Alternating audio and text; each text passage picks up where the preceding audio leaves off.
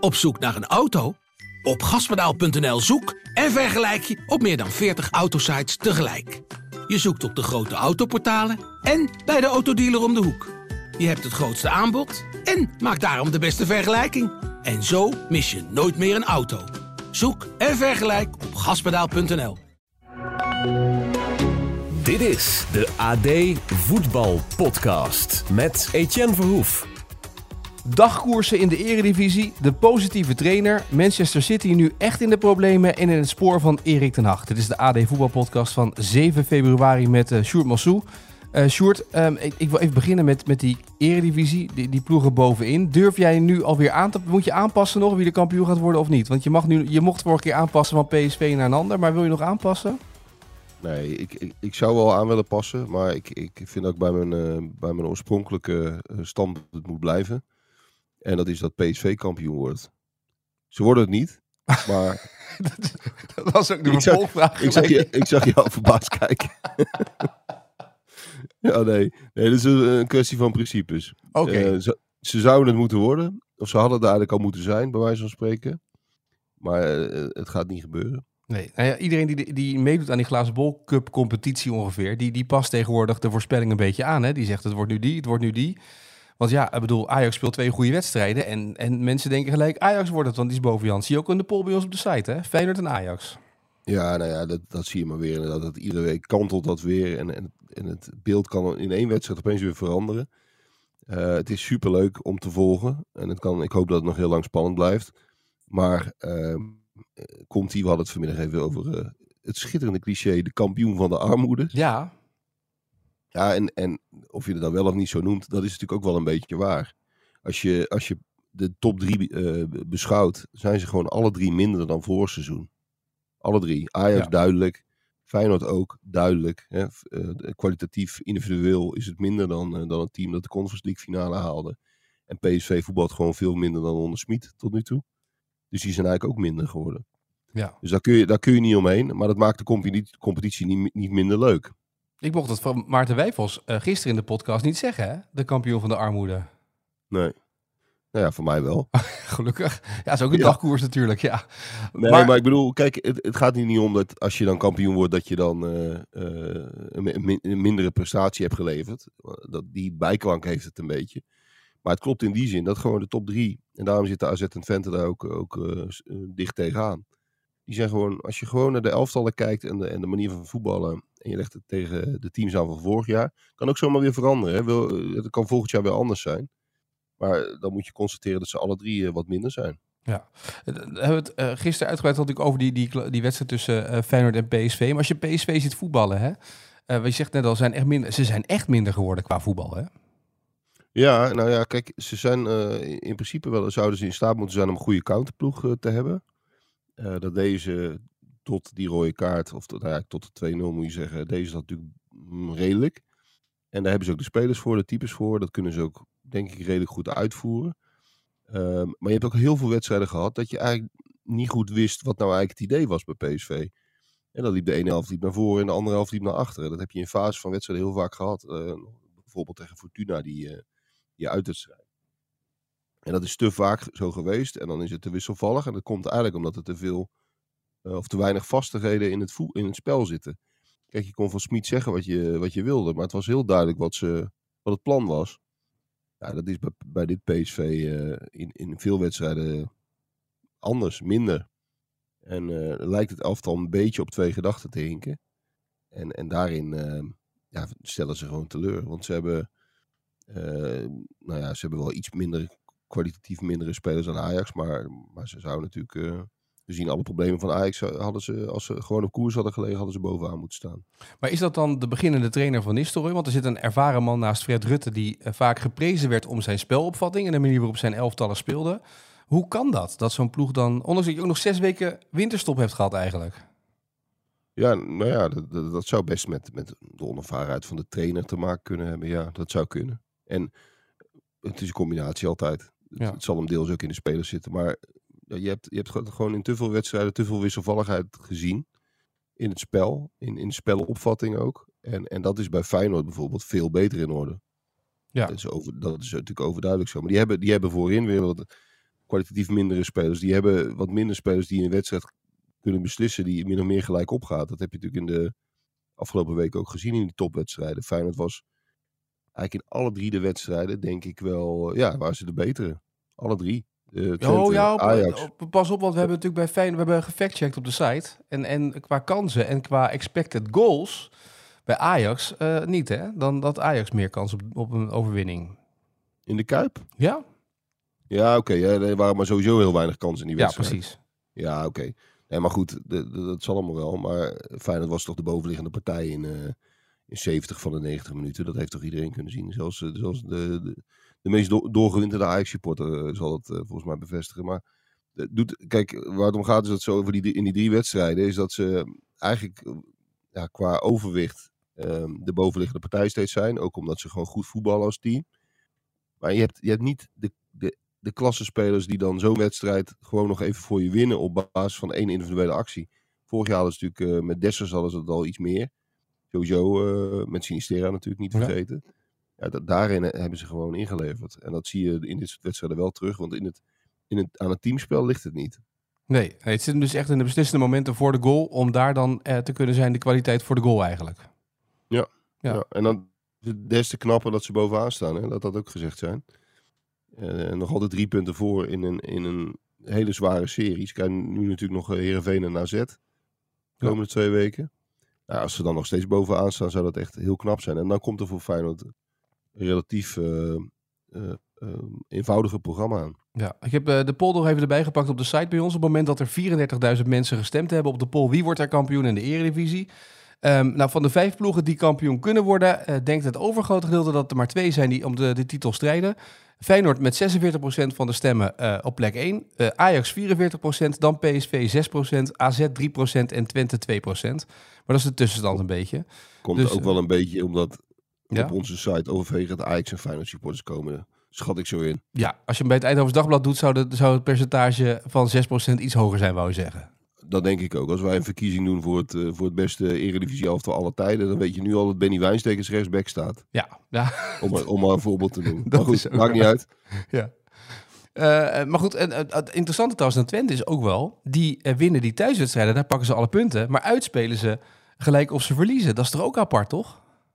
Thuis een eh, topploeg en eh, uit een, middenmotor. Hè. Ja. Dat zag ik eh, volgens mij Leon ten voorde concluderen. Dat is volgens mij precies wat het is. Ja. En daaraan zie je ook dat, dat Twente het geweldig doet. En, en terecht staan waar ze staan. Maar dat, dat, daarin, ehm, dat, ja, dat ze daarin gewoon nog geen topclub zijn. Ja. Dat zie je, dat zie je duidelijk terug. En in eigen huis is het, is het bijna onverslaanbaar. En is het ook vaak heel attractief. Ja, dat was vorig seizoen wat minder. Maar ze voetballen tegenwoordig. Ondanks dat ze weinig goals tegen krijgen. Zijn die thuiswedstrijden vaak toch wel een feest om naar te kijken. Dus eh, heel knap. Maar net niet genoeg, denk ik. Aan Ja. het eind van de rit. Ehm, we, we hebben het over de ploegen bovenin. Feyenoord, eh, ja, t- eh, hebben ze nou eh, acht punten ingeleverd na de winterstop met die toppers? Of hadden ze meer wedstrijden moeten winnen? Slot zegt dan altijd, ja, we we hadden meer verdiend bij sommige wedstrijden. We hebben het ook een beetje gefactcheckt op de site. Had Feyenoord nu echt acht punten meer moeten hebben als koploper? Eh, maar de positieve trainer na afloop van een, van een wedstrijd, ben je daar voorstander van of niet? Ik ben altijd voor positieve mensen. Ja? Hoe, bedoel, hoe bedoel je? Nou ja, je hoort heel vaak trainers eh, vaak het positieve uit een wedstrijd halen. En, en een Ja. beetje om het negatieve heen praten voor de camera. eh, waarbij je denkt, ja, maar als je nu in de kleedkamer staat, zeg je toch gewoon, joh, dit was helemaal ruk. Weet je wie datzelfde doet? Nou. Po- eh, positief, eh, dingen te positief maken? Erik ten Hag. Ja. Komen we zo misschien nog wel op. Mhm. Want die is namelijk, die beschermt wel zijn spelers eh, als het eh, om, om zaken buiten het voetbal gaat. Maar die is op, op het spel van zijn ploeg juist altijd heel kritisch. En dat doet hij ook met een reden. Eh, maar op wie doel jij nu precies? Nou ja, ik hoor, Slot hoorde je in de afloop zeggen, die 2-2, dat ze hè, de, de tevreden mee met, we hadden misschien meer verdiend eh, van Nistelrooy. Je, je zou toch ook kunnen zeggen, ja, weet je, we hadden hier deze wedstrijden moeten winnen of beslissen, weet je, die topwedstrijden. Nee, zeker. En ik vind ook dat Feyenoord, kijk, drie keer gelijk gespeeld. Ja, te weinig resultaat gehaald uit die drie wedstrijden, toch wel. Ja, En drie punten uit die drie toppers, terwijl je eigenlijk steeds de betere was. Dat is gewoon onder de streep te weinig. Je had er dan minimaal één moeten winnen. Je had vijf punten moeten halen uit die drie wedstrijden, minimaal. ja. Geen acht, dat is ook een of niet acht meer, dat is ook een beetje overdreven. Maar ehm, nee, vijf punten was heel reëel geweest. En dan zijn het er, eh, Ja, dan zijn het er minimaal twee te weinig. Ja, precies. Maar dat is, eh, dat is een beetje waar de lat dan ook ligt voor mij. weet je. Als ze dan steeds positief blijven zijn, mag hè. Je mag heel positief zijn over, over de dingen die je ziet. Maar vaak het kleine positieve ding wordt eruit gehaald en het grote negatief, daar praten ze tactisch omheen een beetje. Ja, maar dat, eh, er, zit, er zit vaak het- beschermen van spelers bij. Mhm. Maar ook een beetje zelffelicitatie hè, bij die trainers. Ja, dat is waar. Dat, ja. dat, dat is het cliché van het stond goed. Ja. Dan zeg je eigenlijk, nou, ik heb het werkelijk geweldig neergezet. Alleen ja, ja, die spelers die hebben het eh, een beetje verkloot, maar het stond goed. Dat zeg je dan als trainer. Op papier had ik het heel goed uitgedacht bij, bij, met mijn team. Maar het was alleen zeg maar dat zij de laatste fase niet begrepen. Precies. Ja, en, dan, en dan, is, dan zie je dat na zo'n wissel dat we de wedstrijd eh, toch eh, om kunnen draaien. Dat is ook een mooie vorm van zelffelicitatie altijd. Ja. Even de, wis, de wissel benoemen en dan zeggen dat de wedstrijd daar werd omgedraaid. Ja, maar daarmee kun je ook zeggen dat je eigenlijk verkeerd bent begonnen aan, dit aan die wedstrijd. Want als je die andere jongen in de basis had gezet, hè? Exact, exact. precies. Ehm, even naar Engeland. Eh, zometeen praten we over United. Eh, maar Manchester City, verdacht van het overtreden van meer dan 100 financiële regels. Je verwacht het eigenlijk niet, hè? Dat, dat het nu naar boven komt. Ja, het is, het is, het is eh, inderdaad, ehm, we wisten het allemaal al. Het is natuurlijk al eerder een zaak geweest op Europees niveau. Hè? Ja, toen hebben ze die zaak uiteindelijk gewonnen, geloof ik, bij, via, bij het KAS. Ja. Ehm, en het kan best zijn hè, dat, dat, dat ze hem nu weer eh, gaan winnen. Want er komt natuurlijk een, een, een leger aan juristen komt hier eh, op af. En die gaan dat allemaal aan zitten vechten. Dus of al die, die aanklachten of die overeind blijven, dat moeten we allemaal nog maar zien. Ehm, maar dit zegt natuurlijk al heel erg veel. Ehm, ze, ze, ze zoeken alle denkbare randen op van het financial fair play om, om maar te kunnen doen wat ze doen. Ja. En dat, eh, dat hebben ze in het verleden natuurlijk, dat is vaak gezegd, dan, dan, dan brengen ze hun eigen inkomsten naar een soort onnatuurlijk hoog niveau om, om wat, wat, wat bepaalde posten, om die als sponsorgelden weg te boeken. En ehm, er zijn talloze, dat is nog de simpelste trucs, er er zijn talloze trucs voor te bedenken. En daar, daar zijn ze natuurlijk ook in gespecialiseerd. Nee, het, het verbaast me helemaal niks. Het, Nee. het, het past precies bij het, eh, bij het model eh, dat ze eigenlijk al jaren toepassen. En ehm, ja, het- kijk, het zou nou eens heel goed zijn als, en dat gebeurt in Italië ook hè, bij Juventus, ehm, als, we, als er eens een keer, maar dat is juist in Engeland misschien nog wel belangrijker, dat er een keer eh, stevig wordt ingegrepen ehm, om dit soort zaken. Want het, het is, er is al sprake van een enorme scheefgroei. Met name eh, in Engeland. Eh, Clubs worden allemaal rijker. Ehm 13 van de 20 rijkste clubs eh, ter wereld zijn Engels. Dat is voor het Europees voetbal uiteindelijk niet goed. Dus je zult echt moeten ingrijpen. Je zult, je zult hele duidelijke, strengere regels moeten maken. Als het gaat om het toepassen van die financiën. Om het voetbal nog enigszins competitief te houden. En als clubs maar ongebreideld met geld kunnen smijten. Omdat er toevallig ergens een oliesjeik eh, ehm, zit. Dan, dan, dan wordt voetbal eh, voorspelbaar. En, en ergens ook, ook nog oneerlijker dan het al is. Een beetje oneerlijk hoort bij sport. ja. Maar dit, dit, dit loopt natuurlijk de spuigaten uit. En ja, het verbaast me niet. En ik mag, ja, ik, ik hoop eigenlijk, als ik heel eerlijk mag zijn, dat, dat, ze de rekening een keer gepresenteerd krijgen. Ja, 2020 werden ze uitgesloten door de UEFA voor twee seizoenen Europees voetbal. Alleen die werden dus bij het kast teruggedraaid, die maatregel. Uiteindelijk moesten ze 10 miljoen boete betalen. In eerste instantie was die boete ook 30 miljoen euro. Maar ze mochten gewoon meedoen in Europa en een boete van 10 miljoen. Eh, City zelf eh, zegt trouwens op de site verrast te zijn. Dus die hadden het niet zo zien aankomen zoals jij.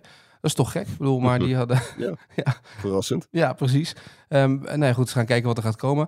Maar het is, het is 100 aanklachten. Eh, Ik bedoel, dat, dat zou zometeen kunnen betekenen dat Erik ten Hag lachend de Champions League gaat halen natuurlijk als het zo doorgaat. Ja, ja. En, en Guardiola heeft wel eens eh, gezegd in een interview dat, eh, dat, hij er, eh, op, dat hij er blind op vertrouwt dat dat allemaal goed geregeld is. Hè? Toen hij die Ja. vraag voor zijn voeten ge- geworpen kreeg. Van, eh, geloof jij in, eh, in, de, in, zeg maar in het naleven van de financiële spelregels? Zei dat is me verzekerd. En als dat niet zo is, dan, eh, dan ben ik hier weg. Of iets in die trant. Heeft hij toen, toen min of meer door laten schemeren. Dus ik ben heel benieuwd hoe, hoe hij daar dan naar kijkt als dit zo meteen gaat escaleren. Dus ja, en misschien gaan ze die, al die, die satelliet, satellietclubjes wel snel afstoten. Hè? Je weet het niet wat, wat de kat in het nauw doet. Nee, precies. Ja, en dan? Hè? Wat er dan gaat stort, het hele, dan stort het hele imperium in. Ja. Ja. Uh, trouwens, ze staan bij de meest waardevolle clubs. is een lijstje. Is in uh, Amerika hebben ze, die hebben, is een man die zit heel veel op de sportfinanciën. Staan ze op de derde plek met 4,4 miljard. United de grootste, 5,95 miljard. Liverpool in dollars is dit dan Liverpool 4,71 miljard. de top 10, daarin staat tot aan plek 6. Chelsea zitten ze boven de, de miljard. En daaronder komt West Ham, Everton en zo onder de 600 miljoen. In Amerika trouwens nu, de eerste club die door een miljard heen is gegaan. Uh, Los Angeles FC, 1 miljard aan waarde. Ik las daar in datzelfde verhaal dat televisiegelden daar inmiddels van 90 miljoen dollar per jaar naar bijna 250 miljoen dollar per jaar zijn gegaan. Omdat ze nu een deal hebben gesloten met Apple TV. Dus als je het over tv-gelden hebt in Nederland, waar ze aan het soebatten zijn over een paar miljoen euro. En, en dat het daar gaat over 250 miljoen in Amerika. Dat is echt ook wel een bedrag hè, als je het over geld hebt. Dat is een andere koek. En, en deze waardes gaat om de waarde bij een eventuele verkoop. Hè? Hoe schat je die waarde van zo'n club in als je de club verkoopt? En bij Manchester United is dat op dit moment het meest relevant. Want die club staat ook werkelijk te koop. Ja. En eh, voor 5,5 miljard, ik weet niet of je het nog hebt, Etienne. Ja, nou, net niet. De, Net niet? Nee, Everton kun je misschien nog een beetje meedoen als ik nog twee podcasts maak, maar... maar nee. Nou, je, wel, je, hebt, je hebt wel nieuwe kozijnen, zie ik uh, achter je daar. Ja, dus dat, dat, dat, kon dan wel weer, ja, precies. Dat kon er, nog, dat kon er wel vanaf. ja. Maar ja, dat, want dat is ook een beetje de vraag natuurlijk. Hè? Dan maak ik een mooi brugje naar Erik ten Hag. Um, uh, gaat hij, de, de, United doet het goed, dus de, dat wordt weer aantrekkelijk natuurlijk nu om te kopen, of niet? Ja, de, en, en, dat is zeker zo. En, en het is al een aardig bedrag, 5,5 miljard, als je dat kunt... Uh, op tafel terecht. Maar tegelijkertijd um, hebben die Glazers, die hebben natuurlijk ook heel veel uh, on hold gezet uh, deze periode. In de zomer kon er nog vrij veel. Toen hebben ze natuurlijk een aantal spelers gehaald. Een aantal voor veel te veel geld. Niet per se slechte spelers, maar wel heel erg veel betaald. met name natuurlijk voor Anthony. Die trouwens nog ook, ook echt tegenvalt mm -hmm. tot nu toe. Um, maar um, op, die Glazers hebben de boel onder druk, ook wel van de aanhang, uiteindelijk toch te koop gezet. Veel ontevredenheid over dat eigenaarschap. En sindsdien hebben ze eigenlijk gezegd van ja, we gaan helemaal niets meer investeren. En daarom heeft United ook in de, in de transferperiode eigenlijk maar, alleen maar een paar spelers mogen huren. Onder wie uh, Weghorst en uh, Sabitzer. En, uh, en, en een speler kopen was absoluut geen optie. Dus van de ene kant zie je dat de club, dat is wel ironisch eigenlijk, dat de club meer waard wordt. Omdat de prestaties vrij crescendo gaan. En tegelijkertijd hebben die Glazers juist op de rem getrapt. Terwijl je zou zeggen, als je ziet wat voor ontwikkelingen ja. er, er, zijn. Nou ja, ze hebben al honderden miljoenen in die club gestopt. Stoppen nog wat bij. Eh, om, de, om dat elftal nog net ietsje beter te maken. Dat je qua spits ook in een andere categorie uitkomt. Niks te nadelen van Wout Weghorst. Maar iedereen snapt denk je denk wat, wat ik bedoel. En dan, uh, dan kun je zo de Champions League in. Dan heb je bijna de garantie. Maar goed, dat wilden ze niet. En, uh, en dan zal uh, Ten Hag uh, creatief moeten zijn. Moet hij ook niet over zeuren natuurlijk. Nee. Maar dat is wel een beetje de situatie. En dat is een enorm contrast met, met Chelsea. Ja. Daar is een paar euro uitgegeven natuurlijk. Maar wat, uh, jij was bij Ten Hag een paar dagen. Wat, wat, trof je aan? Wat zag je? Wat, wat viel je op toen je daar uh, rondliep door Manchester en bij nou ja, de club? In de, in de eerste plaats dat hij, dat natuurlijk ongelooflijk populair is. Dat is op zich ook niet, niet nieuw. Maar het is toch iedere keer wel weer apart om te zien dat als die, als hij die spelerstunnel uitkomt daar in, dat hoek, in de hoek van het stadion. Dan is hij echt de, de populairste van allemaal. Hij is populairder dan de spelers nog. Hij komt dan ook als laatste die tunnel uit. Nou, het is geen showman. Het is natuurlijk iemand die nog net een of ander opstellingsbord uh, staat, te staat te verschuiven. Dus dan komt hij een beetje verstrooid. 30 seconden later komt hij dan die tunnel uit. Overigens ziet hij er heel smart uit, vind ik tegenwoordig. Hij heeft een mooie, mooie stijlvolle jas aan. En, uh, en dan komt hij als laatste die tunnel. En dan dat hele Stratford End en die, en die lange zijde op de, de Bobby Charlton stand is het volgens mij. Ja, dat, die gaan helemaal uit hun dak als Erik ten Hag uh, naar buiten komt. Dus ze hebben ongelooflijk veel vertrouwen in hem. En ook wel, denk ik wel terecht. Want je ziet dat hij echt vooruitgang heeft geboekt in de afgelopen maanden. We zijn er, ik ben er nu drie keer geweest dit seizoen. En je ziet eigenlijk dat het elftal wel steeds sterker wordt. Uh, ik heb ze toen, ik dacht dat het in september was, wonnen ze van Arsenal in eigen huis. Maar dat was echt, echt wel met mazzel. Althans, Arsenal was echt de betere ploeg. En, en United counterde dat vooral heel slim, slim uit. Het is een heel belangrijke wedstrijd. Maar, maar um, nu zie je eigenlijk dat ze steeds dominanter worden. Dat je eigenlijk steeds meer typische ten voetbal terugziet in het druk zetten, in het opbouwen van achteruit. In het controleren van een hele wedstrijd. Hè. Dus, dus uh, eigenlijk 70, 80 procent van de wedstrijd gewoon de, echt de baas zijn. Dat zie je nu echt wel, uh, wel heel duidelijk terug. En het waren afgelopen week waren het niet de top tegenstanders. Dat was Nottingham Forest en uh, Crystal Palace, een beetje middenmotors. Maar dat was natuurlijk afgelopen seizoen ook niet, lang niet altijd zo. Het was vaak heel wisselvallig, ook thuiswedstrijden. Helemaal aan het begin van het seizoen verloren ze thuis nog van Brighton en Nove Albion. Nou ja, met het United waar het nu staat, met wat de nacht nu, nu bereikt heeft, ja, zie je dat bijna niet meer gebeuren. Nee. Dus dat. En, en verder, ehm, ja, Ten Hag was gewoon weer Erik Ten Hag. En, en ik vind het gra- grappig dat hij...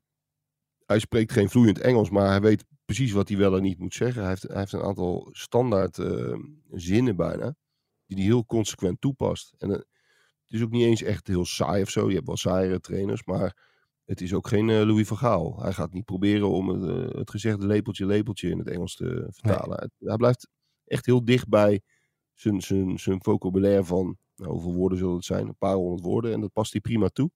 Ja. Dus dat is wel, wel geinig. Hij laat zich nergens toe verleiden. En dan zijn ze bij de mediaafdeling van United natuurlijk dolgelukkig mee. ja, dat geloof ik, ja. Ja, want, want dan, dan, dan schieten ze van alles in de stress. Dus, dus eh, met Mourinho en Van Gaal was het iedere keer bal. En die, en die Ranjik, die, die lulde zich ook een, een hele end eh, de ruimte in. En Ja. dan lulde hij zich helemaal klem. En dan zag je die, die persmensen daarnaast zo in één krimpen van... Oh man, stop nou met praten. Want zo, zo zeg je weer iets doms. Maar Ten Hag zegt precies, precies genoeg. Ja, ik moet wel zeggen, ik heb even een fragmentje na die eh, halve finale van de FA Cup. Toen kwam hij bij Sky Sports met Roy Keane. Ehm, en dan wil hij mee, maar dan zie je toch eventjes dat het vocabulaire, daar heel even in de steek laat met hoe hij dan moet reageren, heel Adrem. And if you've any spare tickets for the final, you let me just two, two complimentaries. I hope. Yes. I can. Thank you. I, th- I think so, Roy. No problem. Harry, I'm sorry about him. Thank you, thank you very much for coming and joining us. Really appreciate your time. Als dit in het Nederlands was gebeurd, had hij daar een hele Adremme reactie op gehad. Maar toen je zag, je hoorde hem denken, hoe moet ik nu, wat moet ik nu zeggen, wat ga ik nu doen en hoe ga ik erop reageren? Ja, maar dat is toch logisch. Ja, dat is hebben wij toch ook als we in het Engels opeens even moeten schakelen. eh, spontaan moeten schakelen. Dus dat is, niet- dat is prima. Nee. Maar hier zag je wel aan, dat vond ik wel, wel grappig. Hij wordt ook door die, door die spelers hè, heel serieus genomen. Ja. Eh, dit is dan even een, een, een gebbetje, zou ik maar zeggen. Maar da- daar blijkt ook wel een soort waardering uit. En dat zie je overal. Eh, al die oud, oud-spelers die toch altijd heel erg kritisch zijn. Daar, daar wordt vaak over gesproken. Hè, dat, dat United met zijn oudspelers een soort, een soort extra vijfde kolonne heeft. Die, die, die er nog eens eh, flink op inhakt. Nou, die hebben allemaal heel veel, eh, heel veel lof voor, eh, voor wat ten achter toe heeft neergezet. En ja, is natuurlijk ook knap. Hij heeft ook het dossier Ronaldo natuurlijk eigenlijk perfect gedaan. Ehm, hoe moeilijk dat ook was. Dus het zou mooi zijn als die, als die zo voortgaat. Hè. Binnenkort de League Cup finale. Hij krijgt twee keer Barcelona natuurlijk nog. Ja. voor de Europa League. Die tussenronde. Ja, dan moeten we maar weer verder kijken. Maar het, het, er is echt zo'n zo'n sentiment ook als je, als je mensen daaromheen spreekt. Maar ja, dit, dit gaat gewoon bij United de, de manager worden voor de komende vier, vijf jaar. Ehm, ze gaan hem gewoon die tijd geven. Hij heeft, hij heeft krediet. Iedereen weet hoe diep die club gevallen is. En hoeveel er voor nodig is om dat weer overeind te trekken. Dus hij, hij gaat echt de tijd krijgen. Daar ben ik echt van overtuigd. Die gaan ze echt niet van de een, een op de andere dag ontslaan. Zit sowieso niet echt in de cultuur van United om dat te doen. Nee. Maar al helemaal niet in dit geval. Nee, maar Champions League eh, halen is natuurlijk al eh, een plus. Dat is, al, dat is al bijna een prijs winnen, toch, voor Ten Hag dit eerste jaar. Eh FA Ja. Cup of League Cup, is, het- maakt het nog uit welke van de twee die pakt om in ieder geval succes te hebben dit eerste jaar? Ja, de FA Cup is natuurlijk wel veel groter. Ja. Dat, dat is natuurlijk duidelijk. Maar daar zitten ze allebei nog in. Dus dat is ook prima. Ja, dat kan inderdaad allebei. Je zei net, het is een beetje de, Ten Hag voetbal, zoals hij dat bij, bij Ajax ook speelde. Daar kan je het een beetje mee vergelijken. Dan was het vaak zo dat Nederlandse trainers naar het buitenland gingen. En dat hij dan eerst probeerde hun eigen spel eh, eigenlijk uit te leggen aan een spelersgroep. En dat ging dan vaak niet goed. Dat spel in de eredivisie was prima, maar in het buitenland, kijk naar Van Gaal bij Barcelona, dat ging ook niet heel makkelijk. Ehm, bij Ten Hag kan het dus kennelijk wel uiteindelijk. Het kost alleen wat meer tijd. Ja, al, moet ik er wel bij zeggen. Kijk, je ziet bepaalde spelprincipes je terug. Hè, die die bij Ajax ook toepaste. Eh, simpele dingen. Het is allemaal geen hoge wiskunde. Maar eh, het opbouwen met drie man. Hè, de, de twee centrale en eentje die zich in laat zakken. Dat was dan vaak Frenkie de Jong in het, Ja. in het eh 18-19 seizoen. Daley Blind deed dat ook vaak. Ehm, dus dan met z'n drieën opbouwen en van daaruit gaan voetballen. Nou, dat soort, dat soort sp- spelprincipes en wedstrijdfases zie je, zie je veel terug. Ook de manier van druk zetten heeft wel overeenkomsten.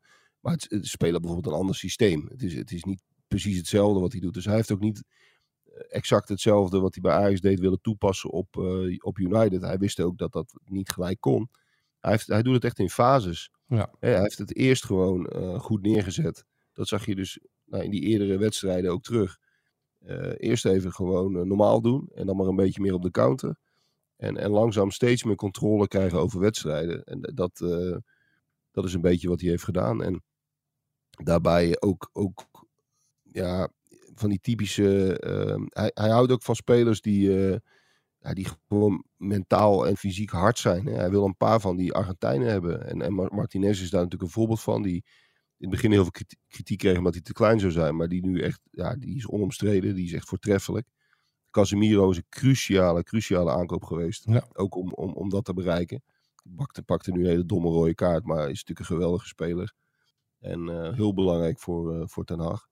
Nou ja, zo, zo zie je eigenlijk dat er... eh, dat, dat de puzzel, ondanks dat er een paar stukjes nog ontbreken, omdat ze geen spelers mochten kopen, dat het toch wel redelijk in elkaar valt. Alleen nu zijn Casemiro en Eriksen zijn er voorlopig niet bij. Nee. Dus dan zal die weer eh, moeten improviseren. En eh, wat wel zo is, Anthony, hadden we net ook al even over, die, die valt nog wel tegen. En eh, eh, dat hij zoveel gekost heeft, is niet alleen de schuld van Ten Hag. Dat had ook te maken met, met de keuzes die United maakte en het geld dat beschikbaar was en de onderhandelingen en onderhandelingspositie van Ajax.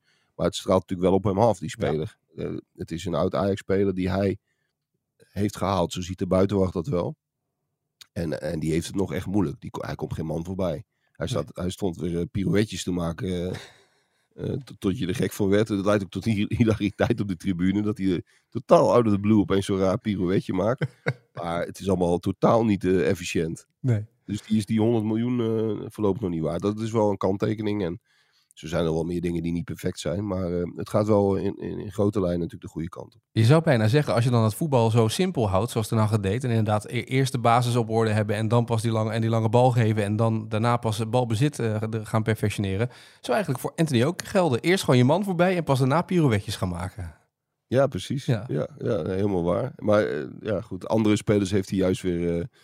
eh Rashford natuurlijk is het voorbeeld. Die Ja. heeft hij natuurlijk weer op, Ja. op topniveau gekregen.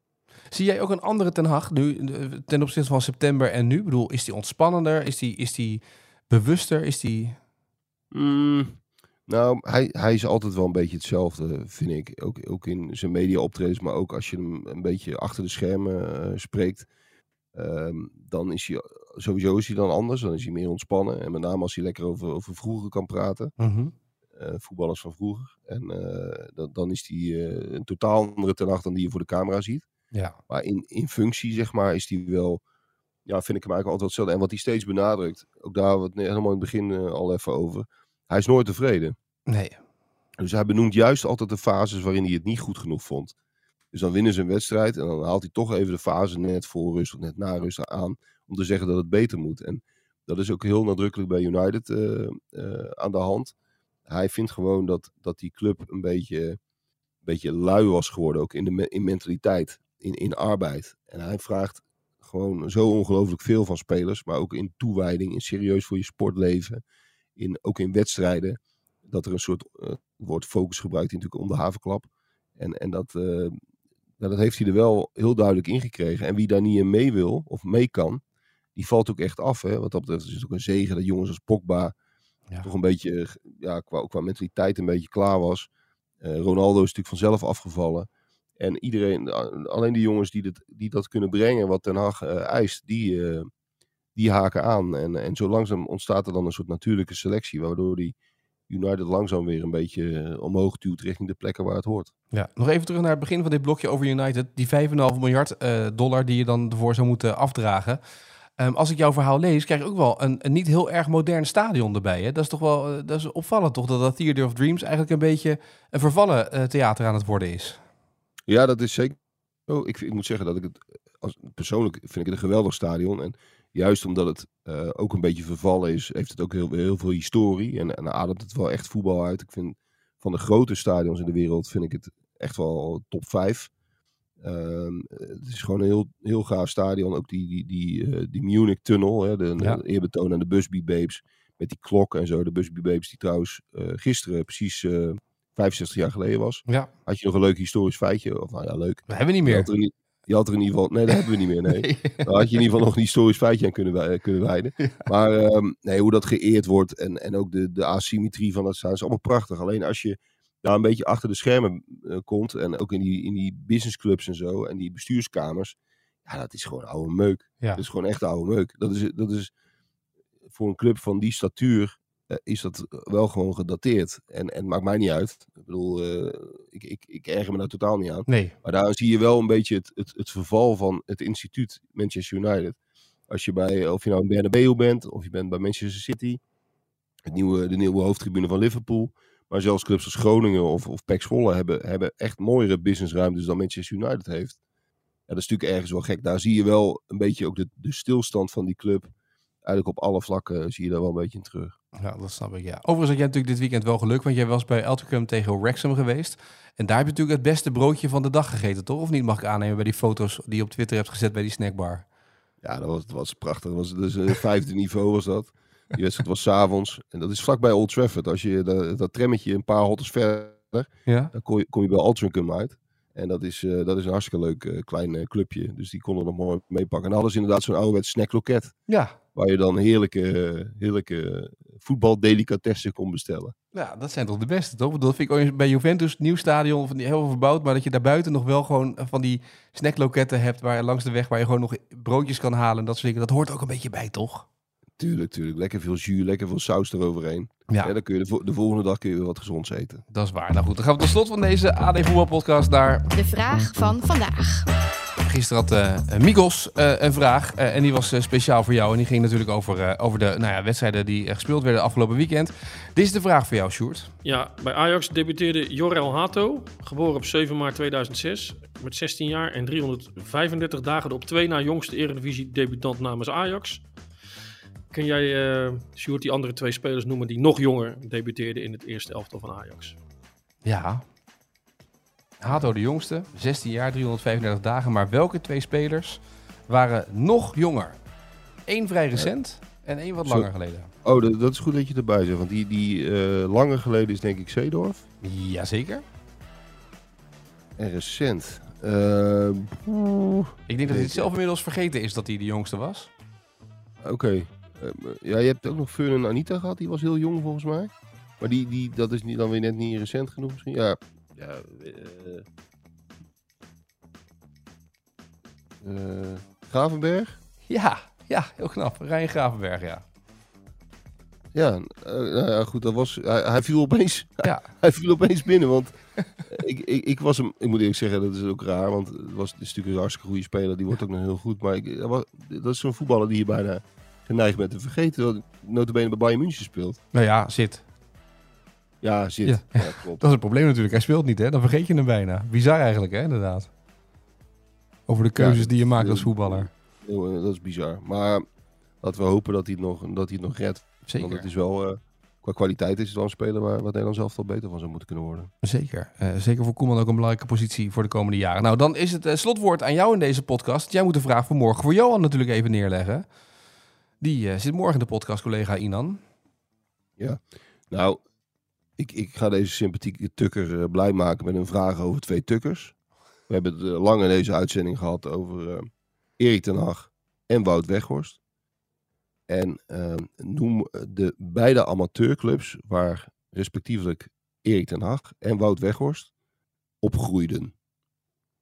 Nou, die moet hij toch kunnen beantwoorden. Dat is de achtertuin Ja, dat, ongeveer. Dat, dat is, voor- dat is voor Johan een inkoppertje, lijkt me. Ja, het leek me ook. Als hij nu nog begint te klagen over de vragen in deze vraag van vandaag, dan, dan, eh, dan sturen we een we- weekje op vakantie. Hè? Nee, maar ik, ik, het is een gest, een geste aan deze, deze Ajax-watcher. Ja, dat lijkt Deze, me deze mag hij gewoon hebben. Ja. En, dat, en het is ook een beetje eh, reclame voor het amateurvoetbal. En met name dat in eh, Twente. Ik moet zeggen dat ik het historisch feitje in al zijn nutteloosheid af en toe wel mis.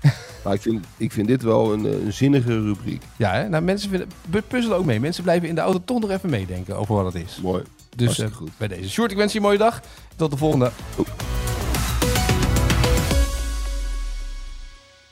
Op zoek naar een auto?